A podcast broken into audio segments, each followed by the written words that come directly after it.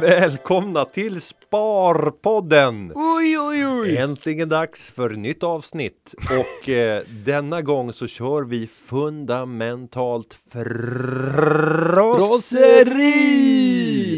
Eh, men självklart ska vi även bjuda på ett mer normalt Sparpodden avsnitt så att vi börjar första halvtimmen 40 minuter. Jag har ingen aning, det brukar alltid dra över på tiden med lyssnarnas frågor för att sen gå in i nördigheterna och gå igenom börsens bästa kvalitetsbolag enligt er lyssnare Hennes Maurits som blev utnämnda till det när vi utlyste tävlingen.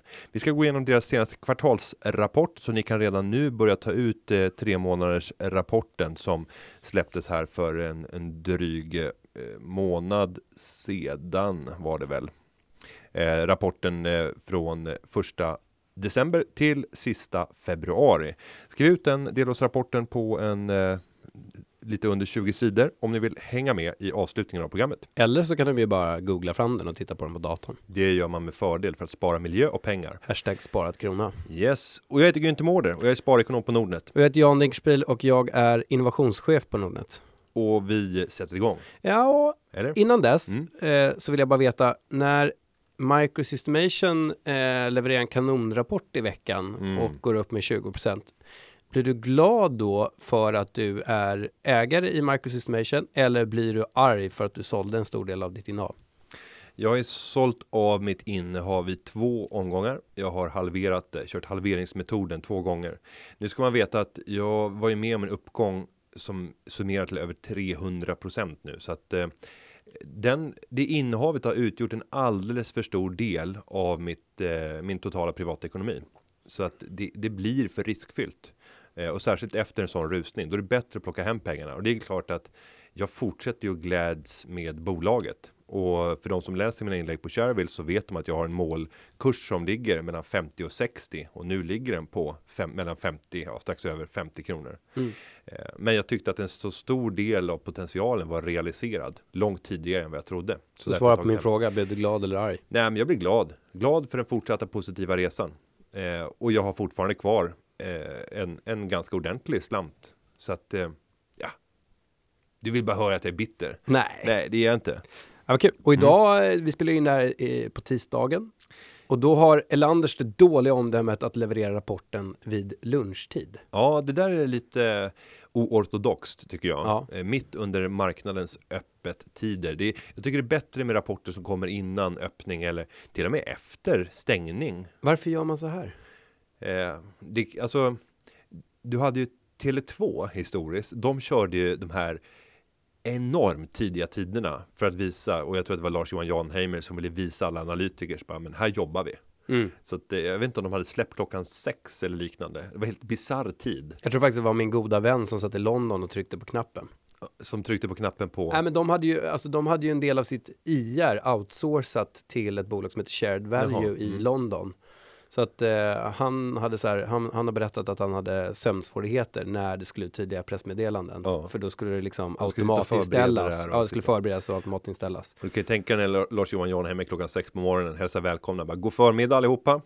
Ehm, ja, dagen har börjat bra. Och sen så presenterar man rapporten. Men du på riktigt, varför, Varför kör man Det mitt- verkar märkligt. Är det för att man inte vill försvinna i bruset eller? Nej, men det tycker jag inte man gör för att journalisterna har ju mer tid på sig eh, att förbereda texter och komma ut med material innan öppning.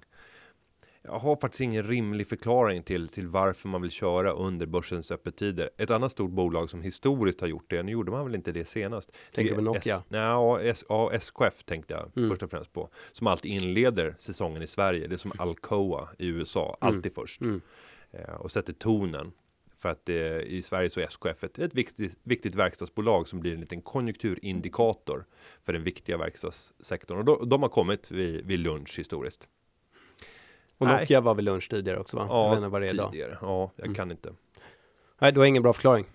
Nej, jag har inte det. Nej. Ibland kan det vara så. Men vi får se om det går bra. Vad tror du? Hur tror du att Elanders kommer reagera på dagens rapport? Ingen aning. Jag, har inte, jag följer ju inte det så nära. Jag konstaterade att det började se aptitligt ut Mm. när vi gjorde senaste analysen och då drog den ju mellan inspelningen och släppet av avsnittet. Jag tror att det, vi spelade in på måndagen och så släpptes det på onsdagen och på tisdagen så var det jordens drag va, i aktien. Ja. Och sånt. Så att eh, ja, ja, men det ska bli spännande att se i alla fall. Jag eh, Ja, vi, vi, vi kommer inte få det här under, under sändning. Nej. Jag vill också tacka eh, för en otroligt härlig kväll på Handels i Göteborg. Det var Börsgruppen, det var Aktiespararna, unga aktiesparare och vi, vi var enormt. Det var fullsatt i Malmstenssalen och folk satt i en, i en annan sal också samtidigt. Tack Vad kul. Vad kul. kväll. Du, när man vill ställa frågor till oss, hur gör man då?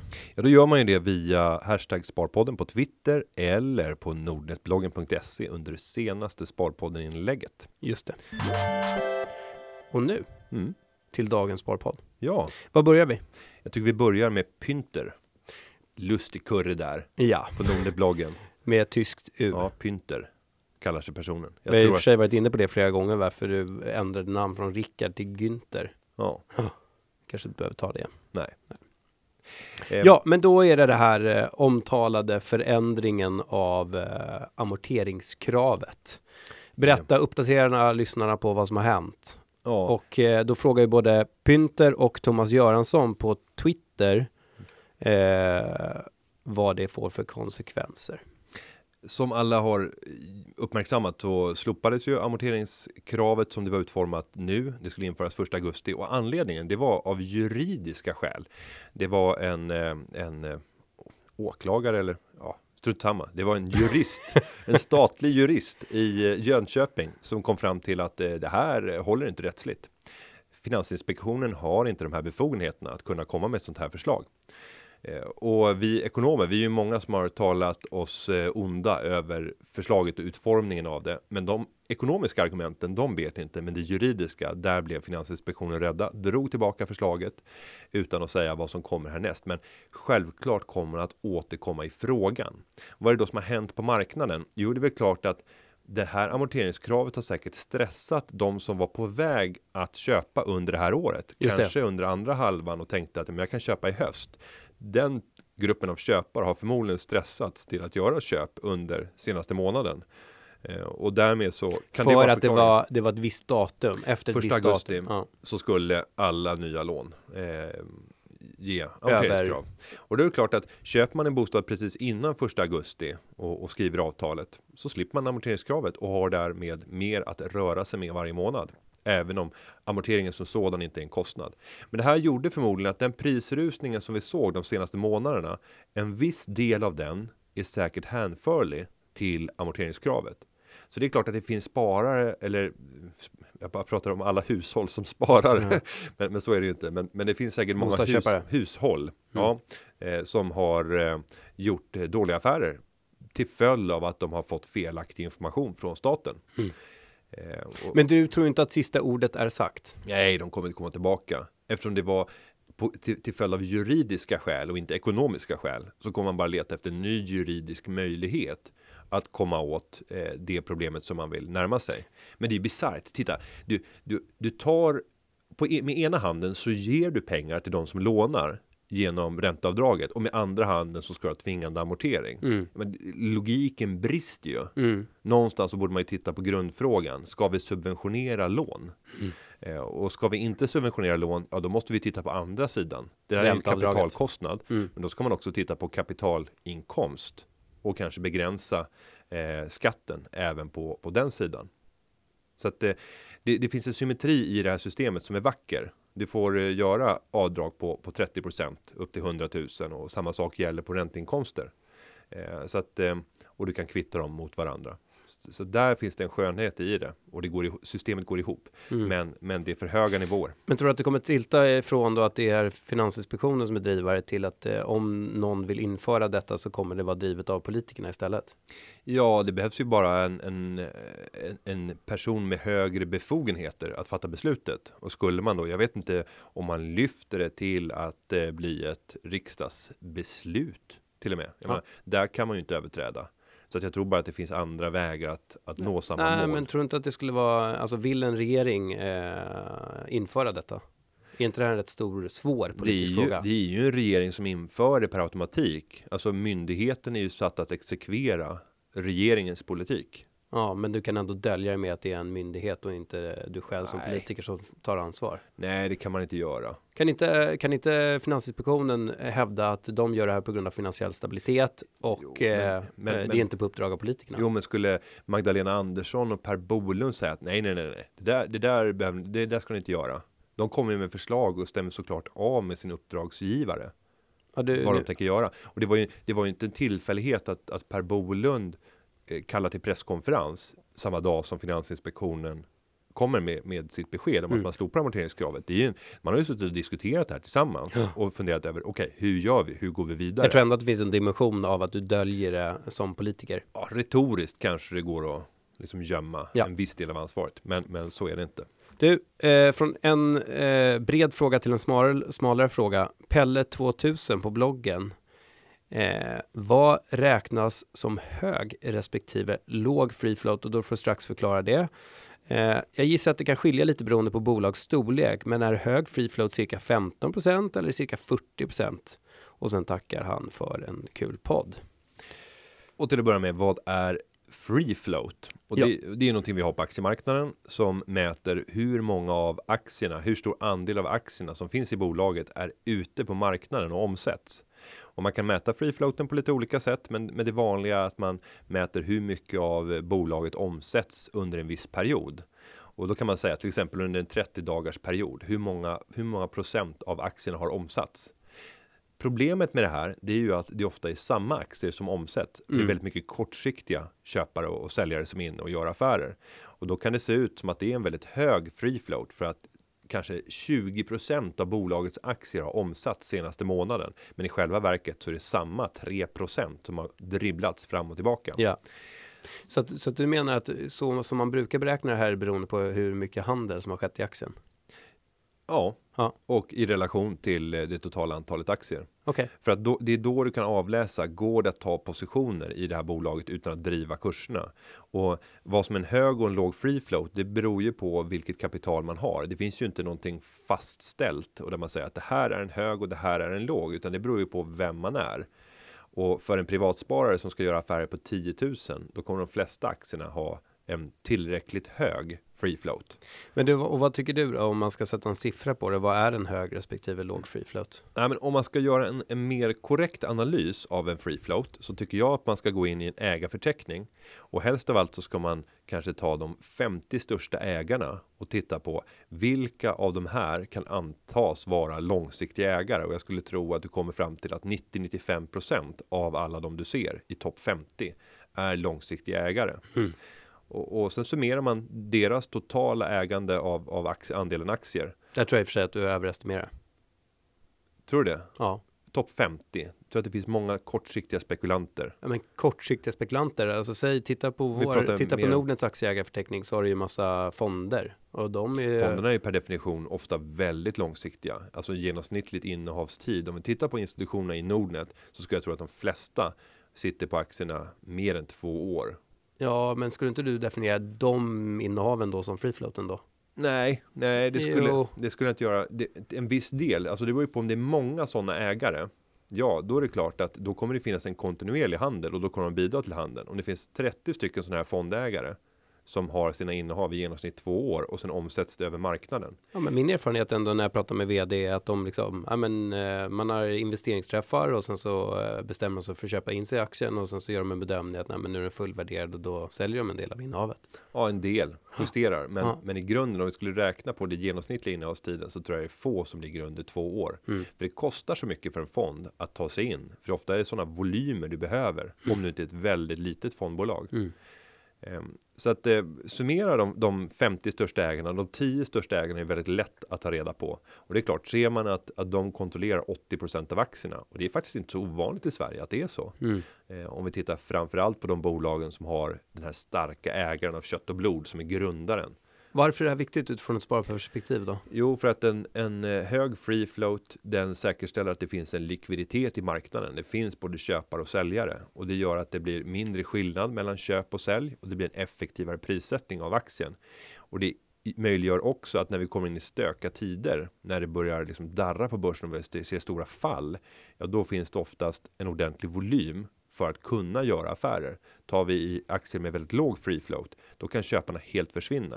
Om jag tittar på mina aktier så är ju mitt största innehav BTS. Det är en aktie med väldigt låg free float och där har min rekommendation varit till vdn och, och grundaren Henrik Ekelund att tillsammans med dina medkollegor som grundare så borde ni släppa aktier för att få ut mer på marknaden. För idag så kan det ibland vara liksom helt slut på på säljsidan. Mm. Det finns bara tre stycken. Så tittar man på ett orderdjup med fem nivåer så är bara tre fyllda. Särskilt på morgonen så, så är det ofta så. Sen fylls det på kanske under dagen. Men det där är skadligt för det gör att vissa investerare de säger nej till bolaget när de bara tittar på orderdjupet. Så här, nej, det här kan vi inte ens äga.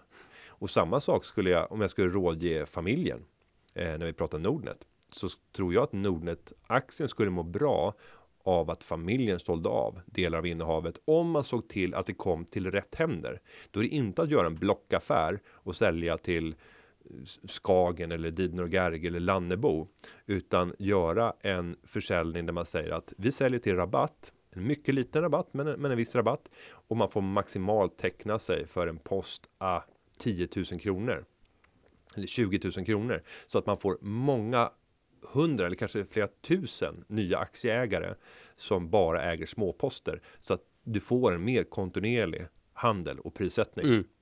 Eh, nu finns det alltid köpare och säljare i Nordnet, men, men jag tror att just att få upp volymerna och se att det är mer frekvent handel skulle göra att, att fler institutionella ägare började se mer aptitligt på, på aktien. Men BTS skulle definitivt gynnas av det. Jag skulle säga att, att de skulle förmodligen värderas högre om de hade en, en högre free float. Likviditetsaspekten är viktig. Det beror på då som huvudägare vilket, vilket vad, du, vad du tycker är viktigast. Att utveckla bolaget och lönsamheten eller att eh, det motsats- driva värderingen. Finns det ett motsatsförhållande? Nej, men det du handlar säger inte om att driva värderingen. Det handlar om att skapa rätt värdering. Ja, Alltså om bolaget är felaktigt värderat. Eh, och, och, och det är det till följd av att du som huvudägare sitter och håller på aktier. Mm.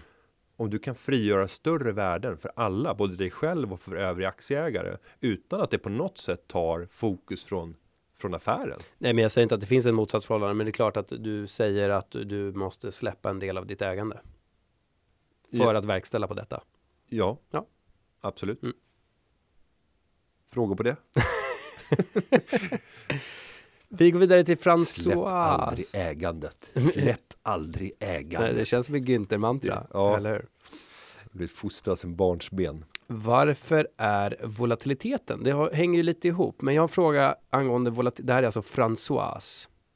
Mm. Mm. Fråga kring volatilitet i en specifik aktie. Eh, jag har tidigare, cirka två år sedan, gjort ett par inköp i Skånemöllan. Är det en kvarn eller? Ja. Eh, Och ligger på en inköpskostnad på ungefär 338 kronor. En relativt lågmäld aktie och det är inte så många nyheter eller så mycket information vad jag själv sett. Men volatiliteten i den känns ändå rätt stor givet det höga höga värdet och där får du nog göra en rättning till François. Eh, den kan skifta mellan 20 till 55 kronor och tillbaka på en dag. Vad beror det på? Mm. Så att om vi börjar med det här med höga värdet. Och jag kan bara bekräfta, jag har inte någon bra koll på Skånemöllan, men producerar och levererar mjöl och spannmålsprodukter till bagerier. Ja, Börsvärde på 400 miljoner och har 1,1 miljon aktier. Och det stämmer, det här är en extremt slag i handel. Eh, om jag tittar bara för någon dag sedan så sjönk aktiekursen med, med 12% en enskild dag. För att dagen efter stiga med lika mycket. Eh, och det har ju att göra med att det är en eh, låg omsättning. Det är en låg, låg eh, handel i den här aktien. En normal dag så kan det faktiskt vara närmast noll i omsättning när det är riktigt eh, hög omsättning. Titta tillbaka senaste månaden. Den högsta omsättning som har varit i aktien är strax under 200 000 kronor i ett bolag med ett börsvärde på 400 miljoner kronor. och om du då tittar på free float. Ja, då ser jag till exempel att eh, Tibia Konsult, Boken Invest och eh, Norges eh, Möllernes, alltså de största ägarna, 24% 23, 18, 11, 4. Börjar summera det här så ser jag att de sitter och kontrollerar nästan hela bolaget. De tio största är ju enormt Ja, men dominanta. räkna ihop det. Eh, ja, där har vi 50, 60, 70. Ja, vi landar på 70, 75 procent på de tio största. Ja. Men den tionde största har bara 0,5% av bolaget. Mm. Så därefter så borde det vara en ganska lång svans av, Ja. av mycket små ägare. Mm. Så det förvånar mig att handeln är så extremt liten, men det kan finnas historiska förklaringar.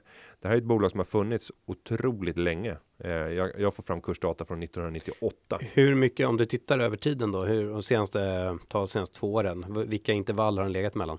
Eh, ja, nu är den uppe och toppade här för någon dag sedan kring 400 kronor och eh, normalt sett så, så studsar den har varit nere på 240 kronor som Mm. lägst förra året. Mm. Eh, så däremellan har, har den studsat och de normala studsarna när det väl sker handel brukar ligga på en, en 10-15 procent. Eh, inte ovanligt. Eh, Det här känns som en sån här aktie där, förlåt mig, där du kan lägga in en långtidsorder på låg nivå. Ja, det här skulle kunna vara en sån och särskilt under sommaren om ni ska förbereda sommarklipp. Mm. Eh, och tittar jag just nu i, i orderdjupet så det finns eh, totalt så kan man köpa på eller köpare finns på fem nivåer och de summerar tillsammans eh, till eh, 25 aktier. 25 aktier finns inom intervallet 361 kronor till 341. Mm. Och på säljsidan där finns det en stor säljorder på 90 aktier på 384 och så finns det en lite mindre på 7 aktier på 366. Så det här är en katastrofal eh, omsättning eller free float och det leder till att vi får en extremt slag i handel. Så att det här, precis som Jan sa, det här är ett sånt där bolag som är otroligt riskfyllt att äga, men möjligtvis så skulle man lägga in titta fundamentalt på det. Vad, vad kan bolaget eh, vara värt? Nu eh, ser det faktiskt ut att de tjänade 15 miljoner förra året. Eh, och, det blir en ganska hög värdering om vi nu tänker på att det värderas till, till 400 miljoner. Ja, det är inget, eh, det är ingen framtida case Tesla. på det sättet. Så att, eh, men man kan ju lägga in en lång order och säga att eh, jag står beredd att köpa på 275. Bara lägga en lång köporder, Mm. skriva in att man vill köpa. 500 aktier. Ja, Så är det någon som vill bara visa att man ut. finns där. Ja. Sen är risken stor att du kanske får en aktie och så får du betala kurtage. ja. ja. Mm. Så det är anledningen. Undvik de där, den där typen av aktier tycker jag generellt. Snabb fråga, Örjan Berglund, tack för en kanonpodd. Går det att ha en aktieklubb innanför en kapitalförsäkring? Nej! Nej, nej, nej, det kan man inte. Eh, I en eh, investeringssparkonto kapitalförsäkring så måste man vara en, eh, det kan bara vara en person som äger den. Om man inte har ett bolag, då kan flera äga en kapitalförsäkring. För att flera kan äga bolaget, så Ja, kan bolaget äga en bolaget kan-. För Ja. det är en juridisk person. Ja. Så det är alternativet. Så att nej, ni måste köra med en aktie och fonddepå om ni ska göra det enligt Skatteverkets eh, modeller och regler. Vad är rationalen för det då? Ehm, schablonbeskattningen. Nej, jag vet inte. Alltså, du borde kunna dra schablonskatten även på ett delat ISK-konto. Mm. Jag vet inte vad som egentligen ligger bakom. Eh, jag tycker aktiesparklubb är jättebra. Det innebär att man samlas ett antal personer och investerar gemensamt. Man kan satsa olika belopp och äga olika procent av, av aktiesparklubben. Ett lysande initiativ för alla er som vill snacka aktier och bilda en grupp och kanske bli ett investeringsteam. Sen kan man ju, jag ska inte tipsa om det här, men, men det är klart att man kan skriva avtal sinsemellan och låta ett konto stå på en persons namn. Eh, men det här är ingenting som kommer att vara juridiskt hållbart och det är ingenting som jag rekommenderar.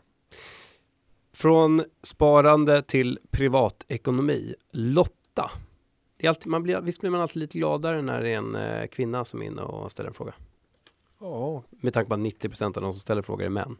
Mm. Eh, Man blir glad för alla frågor, men ja, särskilt glad för Ja, just det. Mm. Eh, jag måste bara fråga, apropå det där med splittad nota. Hur ser ni på det här med svensexor och möhipper? Har flertalet gånger stött på fenomenet att det bara betalas för den delen man är med på och resterande faller på övriga att betala. Till exempel 10 stycken delar på, deltar på en möhippa. Av dessa 10 vill bara 8 vara med på aktiviteten som görs under dagen. Alltså betalar de mindre, sedan avviker 4 innan middagen och då blir det sex kvar. Alltså jag får inte riktigt ihop att för om två avviker från början så är det åtta och sen Jo, ytterligare du fyra. förstår, du förstår Ah, problemet. ja, det ja, blir alltid så här. Så fort, så fort tjejer ska samlas och arrangera möhippor. ja. Ja, men det blir alltid bråk. Ja, Det. Jag, jag tycker alltid när jag jämför med min fru och de håller på och pla, sp- planerar och det, först, det första bråket det bryter ut när den personen blir utsedd till tärna. Mm. Det, då är det första bråket liksom. Hur kunde hon välja den där personen? Ja. Och nu tror hon att hon ska få dondera fast vi känner egentligen henne egentligen Ja, bättre. det finns Så där något blir det jag kan- aldrig med jag- Bestman. Nej, nej. Ehm, men ja, ni fattar frågeställningen. Vad anser ni vara mest rättvist? Hur ska man fördela kostnaderna för en möhippa respektive svensexa? Det där är ju inte lätt. Eh, men i grunden så tycker jag att man ska säga vad kostar att delta på den här eh, möhippan eller svensexan? Och så finns ett fast pris. Eh, och där inkluderar det alla kostnader för personen som ska hippas eller svennas. Ja. Eh, och, och sen så eh, får man väl ha överinseende med om man till exempel har en, en brutal spritprovning och sen så har vi en gravid eh, en, en, en av tjejerna på möhippan är gravid. Då känns det kanske inte jättekul om 90% av hela budgeten. Nu är inte det min erfarenhet. Ja, men jag tycker att du är inne på bra att det här med, men handlar det inte väldigt mycket om att sätta förutsättning, alltså tydliga förutsättningar? Från Jo. början, att det här, precis som du är inne på, det här är priset och vill ni delta oberoende på av hur mycket ni deltar så kommer detta att vara slutsummeringen. Sen vill jag lägga till ytterligare en sak då, att som arrangör så har ett ansvar att anpassa aktiviteterna efter deltagarnas plånböcker. Mm. Och, den kan vara jättesvår. Och särskilt när det är folk som gifter sig och där halva gänget är studenter och halva gänget har kommit ut och börjat jobba. Ja, Då är det absolut mest känsligt. absolut. Men det är väl inte jättevanligt? Jo, Ja, det var jättevanligt för i mitt kompisgäng. Ni så- kanske gifte er tidigt? Ja, det gjorde vi. Vi är kor, körgossar. Ja, Korister gifter sig normalt sett tidigare, ungefär som på landet. lite frikyrkligt och så träffas ni i kyrkan och sen så Ja. vill ni snabbt in i ett äktenskap. För, 23 år för man vill ju testa. Man vill ju testa på härligheten. Alltså, cyklar. Du på en levt- fin... Bara för att du har levt eh, i synd hela ditt liv. Mm, känns det någonting sånt. 14. Nej men, eh, det, det tycker jag är det viktiga. Att, att Mm. du, som, du som arrangör har omdöme nog att anpassa eh, aktiviteterna efter deltagarnas plånböcker. Och sen ett, ett generellt tips. Det är ju att på de här möhipporna och svensexorna. När det är första som arrangeras i ett kompisgäng. Lägg inte ribban sådär vansinnigt högt. För att det innebär att man alltid måste toppa det. Så att det skapas liksom en s- svensexe och möhippie-inflation.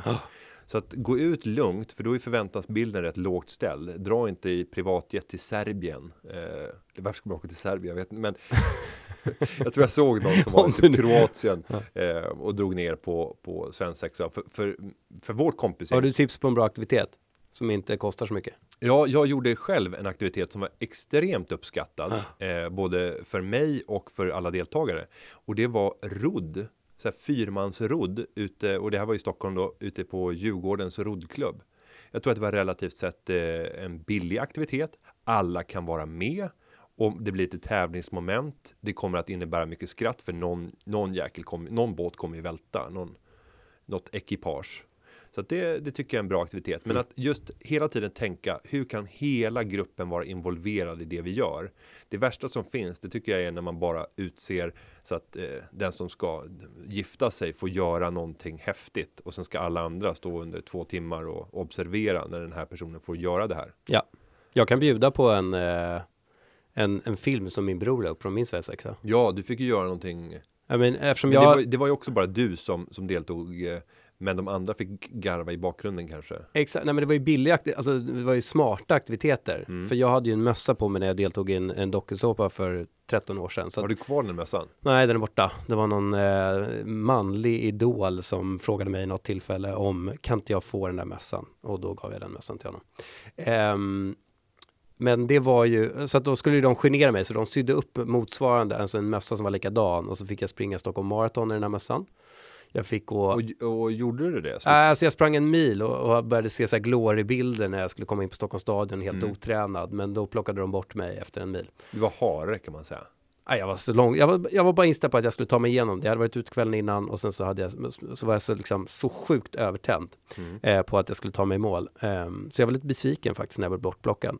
Men det som ligger då på, på YouTube är ju, ja, ni kan ju gå in på Peder Dinks profil, Peder Dink. Eh, därför att det värsta de tvingade mig att göra var ju att söka till Idol i Robinson-mössa. Och du är ju inte helt... Eh, du är ju rätt duktig på att lira gura och sjunga. Ja, du tycker ju, alltså du har ju hört mig. Ja, men det, det, Ja. det, det, är ju inte, det, är inte, det är inte så att det är någon skämskudde. Ja, det blev ju det i det här klippet så blev det ju det. Men det är ju mer för att det är dåligt omdöme. Ja. Eh, men inte för att det är så här sjukt dåligt. Alltså dealen, det, det här måste ju tilläggas, dealen var ju att jag inte fick säga att det här var en svensexa. Så jag var tvungen att stå där med Peter Gide och eh, Men hur lång tid tog det här? Hade de snackat ihop sig innan? Så Ja, först var det ett förtest, de gör en förscreening Mm. och då var det för en eh, lite, alltså en, en eh, sånt som att se på tv, en liten mindre jury. Och sen så konstaterar de, och vilken pajas som vill liksom in i kändisvärlden igen, om de nu kände igen mig, vilket jag utgår från att de gjorde. Och sen så var det ju sitta då en lördag i maj, juni i ett rum med eh, 300 wailande 18-åriga tjejer. Mm. Eh, och då satt vi typ från åtta på morgonen till sex på kvällen och väntade på min tur. Och sen så hade de satt mig ett kluster av andra såna här före detta B-kändisar som vill bli kända igen. Och sen gick vi in på rad. Eh, och eh, då fick jag då inte säga till juryn, det här var på Laila Bagge och eh, Karlssons, Andreas Karlssons tid. Och så kom jag in där och körde mitt riff. Är ni intresserade av att titta på det så finns det under på Youtube, Peder Dink. Men en, ett annat bra tips är ju, eh, vi smetade ju in en kompis i leverpastej och satte hundarna lösa på honom. Ja, det, det kan ju också Det är ju vara billigt. Det är, ja, man får tag, om man får tag i någon med kort datum Ja. på Lidl, 30% av disken där. Jag fick upp mot stories. George Scott i boxning. Fick du göra det? Ja, jag har ju en, en gammal kortboxarkarriär bakom mig. Och han är ju väldigt liten. Ja. Han är ju liksom flugviktare i sammanhanget. Och där kom jag med mina 100 kilo. Jag tror att han var lite bakfull också. Jag var ju övertänd. Eh, och har ju liksom ingen respekt längre för, för boxningens förhå- förhållningsregler. Så jag gick ju till liksom kroppsattack och lyckades faktiskt sänka honom. Nej. Bara med min kroppstyngd. Ja, du, Ja, jag, trampade honom, jag trampade honom på ena foten och sen så bara med hela kroppstyngden. så rasade du in honom. Ja. Och han flög i, i backen. Fa- Men, Festligt. men då, då tror jag att han skärpte till sig. Han tänkte så här, men fan. Nu, Den här killen vill nu, slåss. Nu är det ingen svensexa längre. Nej. Du ska ner. Ja. Så där fick jag liksom Fick du pisk? Ja, men det fick jag. Jag hade ont i flera, flera dagar. Det här var dagarna innan Almedalen 2011. Och jag var helt eh, förstörd. Jag kunde knappt röra armarna. Min brorsa och hans kompisgäng, de, de band fast en kille på eh, huven eh, och glasrutan så smällde de in hela svensexan i bilen och körde in i en biltvätt. Men, men, eh, är det, är det, varför? Ja, det är Alltså, märkligt. Alltså det, det tangerar ju, Det är inte lustfyllt. det är något som de kan idag reflektera över hur den person, alltså innehavaren av den här biltvätten kunde gå med på det här. Det är ju helt sjukt. Ja, Men, det är också en rolig film. men bund, jag bunden tror inte den finns på Peder Dink. inte uppåt. Vad sa du? Bunden med ansiktet neråt. bunden med eh, liksom huvudet mot vindrutan. Så att åtta, tio grabbar som sitter och glor på när den här, alltså det var en sån här, det var inte en högtryck, utan det var en sån här, med rond, en sån här snurrande blad svart som läskig piskar sak. upp röda sår. Ja, Nej, det här är inte roligt att skratta åt. Nej. Man, man gör inte sånt. ett dåligt omdöme, mycket roligare att ha en vinprovning någonstans Mm, i någon källare på Söder. Ja. Lotta, du fick svar på din fråga. Ja, så gör så. Gör- Gör så, massa tips. Mm. Ehm, sen har vi någon som har blivit inspirerad av dig. Ja, det här, nu, nu, det här, sånt här gör att man får, se, kolla på min arm. Har du gåshud på nu, nu, riktigt? Nu knottrar. Det här är vackert, berätta. Eh, uh, André S um, ehm, lyssnade på senaste avsnittet där hen sparar 500 kronor på att panta burkar från jobbet. Den här André jobbar på lastbilstillverkning på produktionssidan och det är cirka 480 anställda, majoriteten är unga mellan 20 till 30 år. Och föreställer då hur många energi koladrycker som går åt varje dag. Hör här! Går runt pantburksbehållare varannan fredagkväll, då är det lugnast. Går ut till bilen med två, till- två till tre stora säckar, påsar med pantburkar. Varje påse är en vinst på mellan 80 till 100 kronor. Vinst, alltså intäkt. Men okej, ja, det, är- det är bra bruttomarginal på det där jobbet. Med andra ord drar in cirka 550 kronor per månad. Nu dränklar, nu dreglar på Günther, ja nu dreglar Günther och han lägger till då att han bor i Eskilstuna, i samma ort som Najara Seara. Det här ska jag inte avslöja, eh, men det här är ju otroligt bra. Alltså 550 spänn. Ja, lastbilstillverkare produktion i Eskilstuna. Är Det kan inte vara jättemånga. nej, är det Volvo som har någon anläggning där? Jag vet inte. Ja, strunt samma. Ja. Men, men det här är ju lysande. Alltså det här, vi konstaterar det att med de här pengarna per år så kan det ju bli en, ett eh, rejält bidrag till en resa. Ja. Eh, tar man den sista minuten så klarar det nog ett trestjärnigt tillsammans med familjen. Nu framgår inte om man om man har familj. Nej. Eh, fortsätt så här. Investera pengarna klokt. Jättebra. Panta mera. Jag var lite nöjd när jag kom in i den här inspelningen för att jag hade precis gjort, ett, gjort en hashtag sparad krona. Mm. Eh, vi printade ju ut eh, H&M's rapport för det fundamentala frosseriet och då noterade jag att det är färgkopior. Och under Det- min tid som business controller så reagerade jag på de här dyra eh, printerkostnaderna för det fungerar ju så på lite, något större bolag att, att eh, Eh, bolagen kommer in och så installerar de det här utan kostnad och sen så tjänar de pengar per, per printning. Och då är ju färgprintningar väsentligt mycket dyrare än eh, gråtoner, gråskala. Så då gick jag, vi har en sån här kostkatter intern som jagar enkla kostnader. Så då gick jag direkt till honom och han berättade för mig att det är fem gånger dyrare att göra en färgprint än en svartvit print. Och han lade till även att man borde ha som default-inställning eh, front and back, fram och baksida. Mm. Ehm, så att eh, det tycker jag ni ska uppmana ni som är på en något större arbetsgivare och som sitter på den här typen av lösningar. Se till att ni inte printar i färg och se till att eh, ni printar på både fram och baksida. Sen ska man lägga till eh, det finns egentligen inget jättebehov av att göra massa printouts idag. Nej. Sen, så är en annan grej för att spara, eh, skapa en sparkultur på den arbetsplats där man jobbar.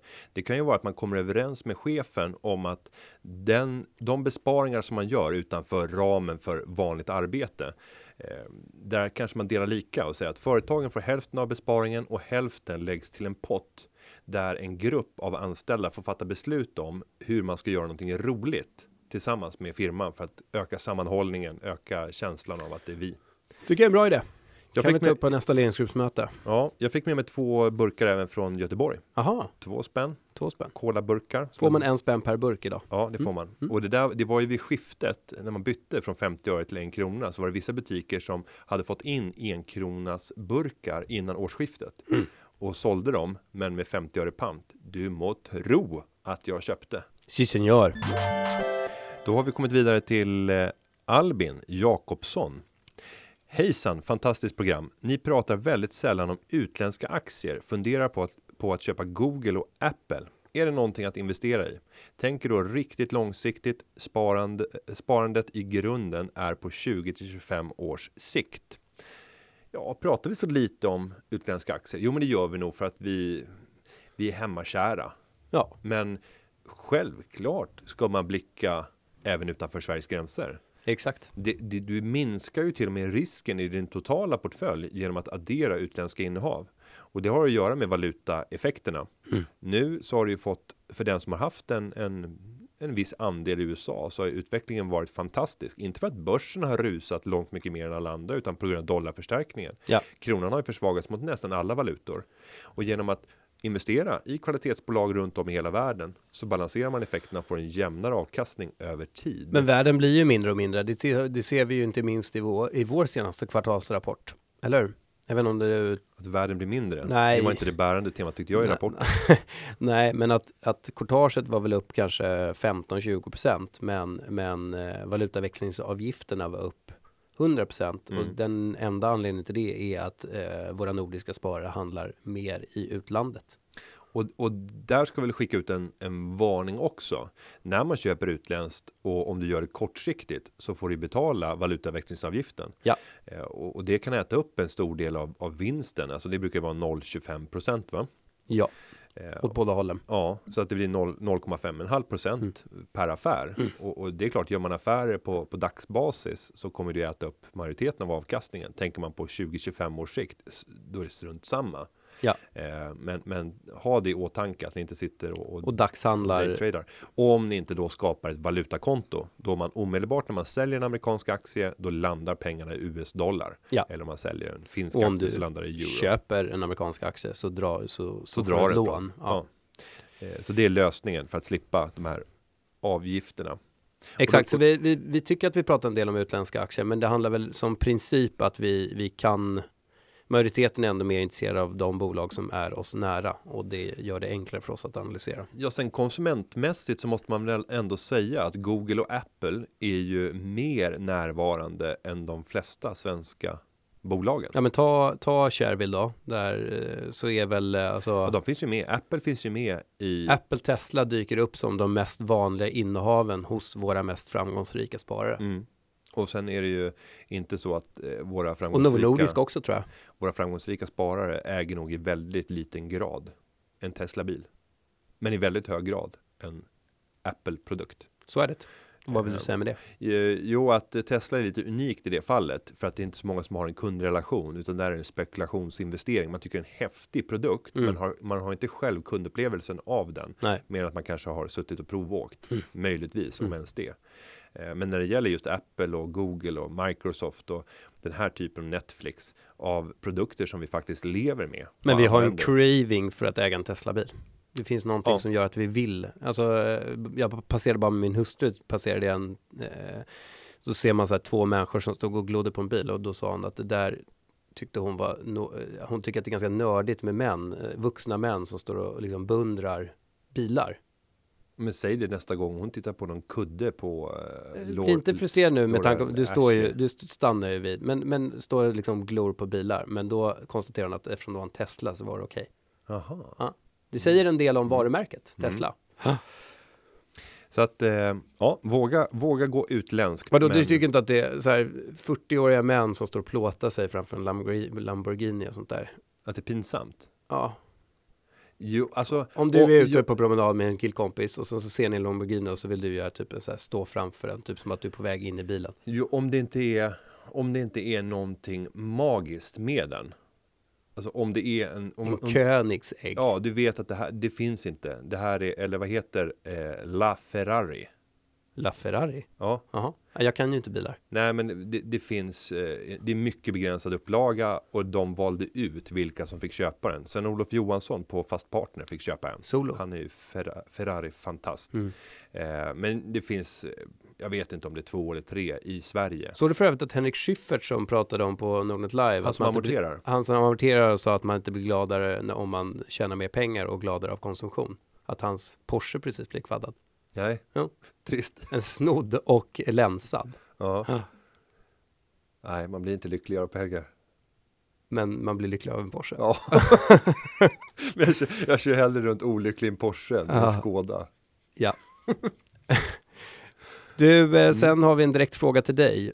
Tjock eller smal? Tjena grabbar, jag lyssnar på en äldre podd där ni pratar om eventuell löptävling och Günther raljerar över sin övervikt. Och Günther lever snålt och inte köper onödiga saker och ibland endast äter nötter till lunch.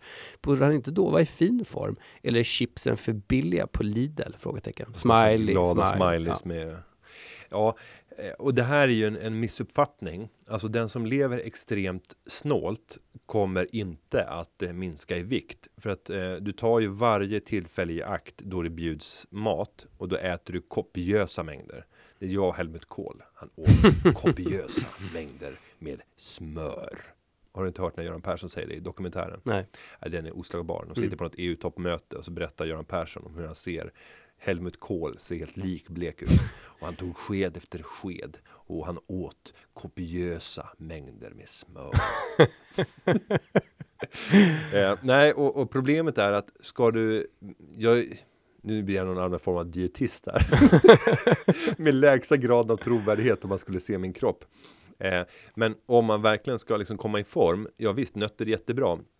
Men du ska ha en regelbundenhet i ditt matintag som gör att kroppen vänjer sig vid att det hela tiden bjuds mat. Mm. Jag kan ju gå en hel dag utan att äta någonting och sen så på kvällen så bara öser man i sig. Ja. Oavsett vad det är. Du har väl inga preferenser nyttigt. på att äta nyttigt? Nej, inte alls. Nej. Och ofta så är ju den nyttigaste baten, den är ju Baten? Nej, maten. Nu, nu, nu öppnar jag för möjlig kritik här. Alltså onyttig mat är oftast billigare. Ja, Och eh, det är inte helt, det är inte helt sant för att du skulle kunna köpa rotfrukter och, och tillreda dem. Och rotfrukt i ugn är inte dyrt. nej just inte. I Sverige tror jag att du har rätt. Mm. Men, men om vi pratar om eh, snabbtillredd mat så är onyttig mat oftast billigare. Jag, jag, jag, jag har inga belägg alls för det här, men eh, jag tänker inte alls på vad jag stoppar i mig. Men ni sitter ju inte hemma och äter Garbos eh, piroger liksom, eller Gorby, Garbo. Karbusk. Vad heter de? Eh, Gorby. Gorby. Mr Gorby. Mr Gorby. Mr Gorbys biolog. Ja. Eh, nej, det gör vi inte. Eh, nej, vi äter, vi äter ju fint. Nu, min, eh, vad som jag läste i någon tidning, så intervjuade de folk. Eh, ha, ha, handlar du mat eh, över nätet? Nu har ju vi börjat köpa eh, mat på nätet och får hemlevererat. Och jag tycker det är helt, helt fel. Eh, men men jag, jag bjuder min fru på det. Men, men då hade de ställt den här frågan, Mm. typ fem i Aftonbladet, sista Mm. sidan. Eh, handlar du mat på nätet? Nej, jag handlar inte alls. Eh, jag är gift sedan många år, var det herre som sa. Ja, inte bra. Nej, då har man tappat greppet lite grann. Något. Nej, jag, jag, jag är ju den som vill handla, Ja, men inte får handla. ja. För att, Lagar eh, du mat hemma? min eh, jag gjorde ju det i hög grad tidigare och då var det ju storkok. Alltså jag Ja. gjorde enorma Aha. kok så att det kunde räcka för en hel vecka. Ja. Men, men det uppskattades inte hemma. Jag tror att vår vd lagar mat nästan varje dag. Ja, Jag får han- intrycket. Ja, han, Man ringer ofta honom, han står och lagar mat. mm. Och sen på tema ränta. Och här, eh, om du fick rysningar tidigare så lär du få rysningar nu. Nej, nu blir jag nästan förbannad. hej, Fri- hej Sparpodden, Eh, tackar för roliga timmar, bla bla bla. Ehm, tack vare min ökade kunskap känner jag för första gången riktigt påläst och förberedd när jag gick till bolåneförhandling med min bank för några veckor sedan. Ni brukar förespråka rörlig ränta. Ni, eh, Günther kanske mer. Eh, om man har Jan har ju marginal bundit sitt eh, bolån till räntan eh, 4 procent. 4 procent. Mm. Ja, det är alltid bra att binda. Ni brukar förespråka rörlig ränta om man har marginal i sin ekonomi, men efter en ganska lång förhandling blir jag erbjuden en ränta på 0,91 procent för att binda lånen i tre år. Detta handlar om 85 procent belåning av en villa värderad till 3,2 miljoner. I mina, I mina ögon var detta en mycket lyckad förhandling och jag sitter nu med bundna lån i tre år. Tror ni, tror ni att jag har gjort rätt? Vilket as! Det här är ju jättebra villkor. Otroligt bra. Ja, Eh, Jag tittar på listpriserna, de ligger kring 1,8, 1,9 förhandlat. Eh, Så det är klart att på rörlig. Nej, på tre, Ah, ja, på okej. tre år. Eh, Och det är klart att man nu har han fått en rabatt som, som närmar sig en procentenhet på det här 0,9 eller 0, ja, beroende på hur vi, vad de har för listpriser. Så att det är en jättebra rabatt. Och eh, sannolikt så skulle personen även fått motsvarande eh, goda rabatt även på en rörlig. Självklart har det erbjudandet presenterats och det var lite högre. Mm. Och anledningen till att det var lite högre, det är ju för att vi har en förväntan om att räntan kommer att fortsätta falla. Ja. När det här avsnittet släpps så kanske räntan redan har sänkts. Är det imorgon eller? Ja, onsdag imorgon 0 09.30 och det här släpps eh, på eftermiddagen på onsdagen. Så att just nu så kanske vi har minusränta på minus 0,40 enligt marknadens förväntningar, men det skulle också kunna vara minus 0,50. Mm. Och det kommer naturligtvis att fortsätta pressa ner de rörliga boräntorna. Så att eh, utan att ha alternativet framför mig så kan inte jag säga att det här är rätt val. Men jag kan konstatera att 0,91 är ju en fruktansvärt bra nivå. Mm. Sett i ett historiskt perspektiv så är det helt fantastiskt. En sjuk nivå. Eh, och, och det innebär att sannolikheten för att han ska känna att han blir helt blåst. Den är ju närmast obefintlig. Så är det. inte så att vi skulle få, få, börja få betalt för att låna pengar. Och sen så kommer ju naturligtvis en, en viss trygghet i en sån här extremt låg ränta och att du vet att det kommer vara det för de kommande tre åren. Så eh, grattis! Det är en eh, boränta, boränta som är lägre än min, men jag har rörlig så jag kommer snart ikapp dig. Daniel Alvarsson på Twitter. Och här är ju en, det här har blivit en viral bomb. Ja, eh, han har ju då alltså tryckt upp ett kort och det framgår inte om, han, om, om det verkligen är hans kort eh, med ett foto på mig Mm, på kreditkortet mm.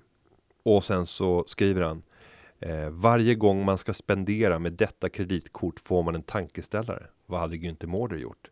Hashtag sparad krona. Så det är alltså ett kort från storbanken Swedbank och sen är det en stor glad bild på dig. Det hade varit kul med Nordnet-loggan i bakgrunden. Ja, men där tror jag att du går bet. För de har väldigt stora eh, restriktioner för vilka bilder man får ha på kreditkortet. Mm. Eh, så att jag vet att eh, min bror försökte eh, ha no limit card. Det säger lite grann om, om vår, var vi kommer ifrån.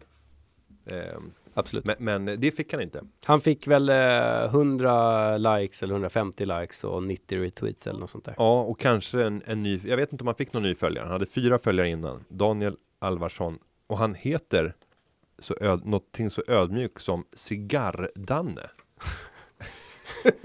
Det tycker jag är, är värt eh, eh, uppmärksamhet.